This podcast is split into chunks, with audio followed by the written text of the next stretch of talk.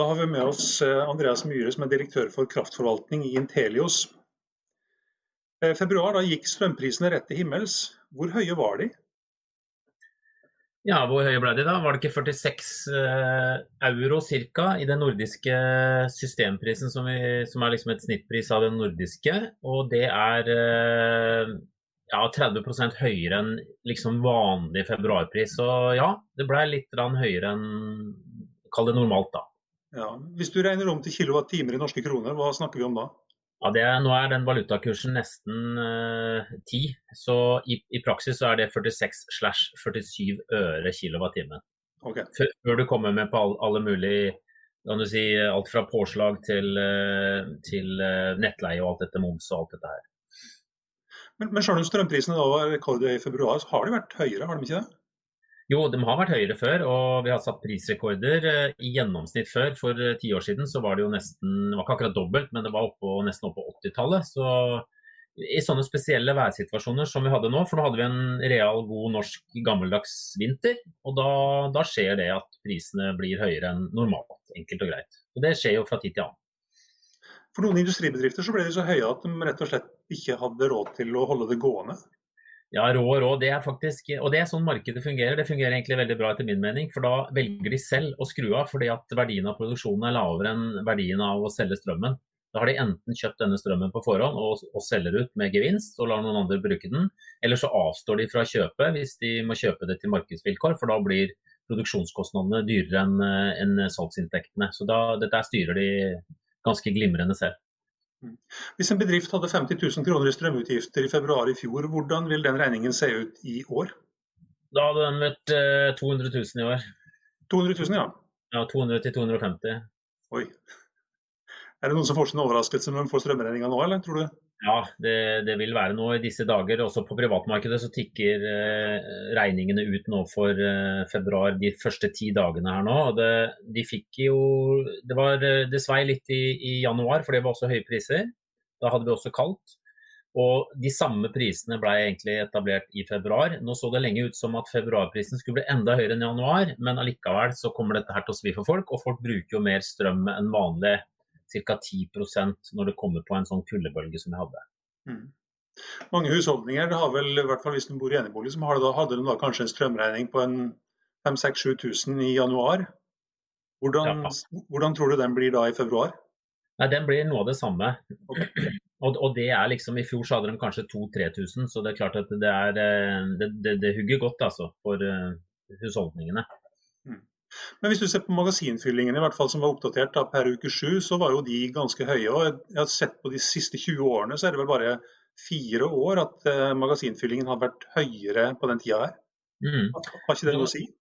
Jo, det har noe å si, men det er bare halve sannheten om den såkalt hydrologiske situasjonen, altså vannsituasjonen for vannkraftverkene. Den andre halvdelen ligger i snømagasinet, som, uh, som du ikke kan se noe sted på internett, for å si det sånn. Og det snømagasinet, der er det en svikt nå som er omtrent tilsvarende det lille overskuddet man har av vann i vannmagasinet. Og Vannkraftprodusenten han eh, tenker jo at dette er noe som alt skal bli til vann, så han tenker på hvilken magasinfylling han skal ha om ett eller to år, eller hvor regulerbart dette kraftmagasinet er. da. Og Da velger han å åpne lukene han får, eh, der han får best priser i forhold til hvor mye si, produksjonspress eller produksjonsmidler han har da, i det vannkraftmagasinet. Hvordan ser det ut for strømprisene fremover, da? De ser eh, ut til å falle, så det blir eh, lavere priser fremover enn eh, si, all historikk tilsier. Så du kan nå kjøpe både ett og to og tre og fire og opptil ti års fastpris, som er lavere enn de foregående tiårene vi har vært gjennom. Så kraftprisene er egentlig lavere fremover enn det de har vært. Men hvis du da skal binde det på ett eller tre eller fem eller ti år, hva slags pris snakker vi om da? Da får du et eller annet sted mellom 25 eh, og 30 øre kilowattimen. Mm. Er, mm. er det noe som du vurderer å gjøre sjøl, eller er det noe som du anbefaler kundene dine å gjøre? Ja, jeg hogger så mye ved i denne koronatida her, så jeg, jeg, jeg, må ha noe å gjøre. Men, men vi, vi, anbefaler alle våre profesjonelle eh, bedriftskunder å kjøpe på forhånd, for det er det all forskning tilsier er lurest. Selv om VG lurte verden for ti år siden og sa at spotpris er best, så er det fakta feil.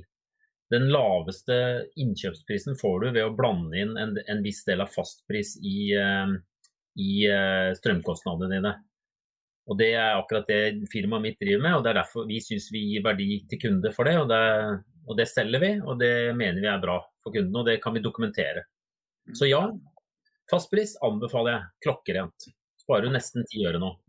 Både for bedrifter og privatpersoner, eller?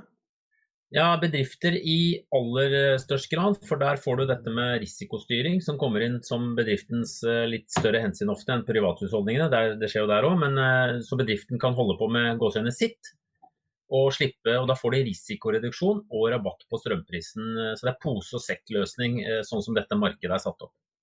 Mm. Og samme for private husholdninger?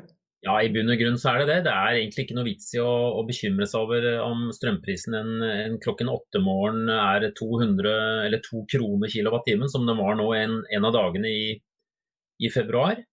Fordi du kan flate ut dette med ganske billige fastpriser da, som, som, ikke har noe sånn Alle er redd for denne premien eller denne ekstrakostnaden hvis du kjøper en fastpris, sånn som man er vant til fra rentemarkedet. Men den, den er da snudd fortegn i dette markedet, så her får du en rabatt eh, Eh, motsatt til rentemarkedet. Så her kan du trygt kjøpe en fastpris uten å betale for mye i gjennomsnitt.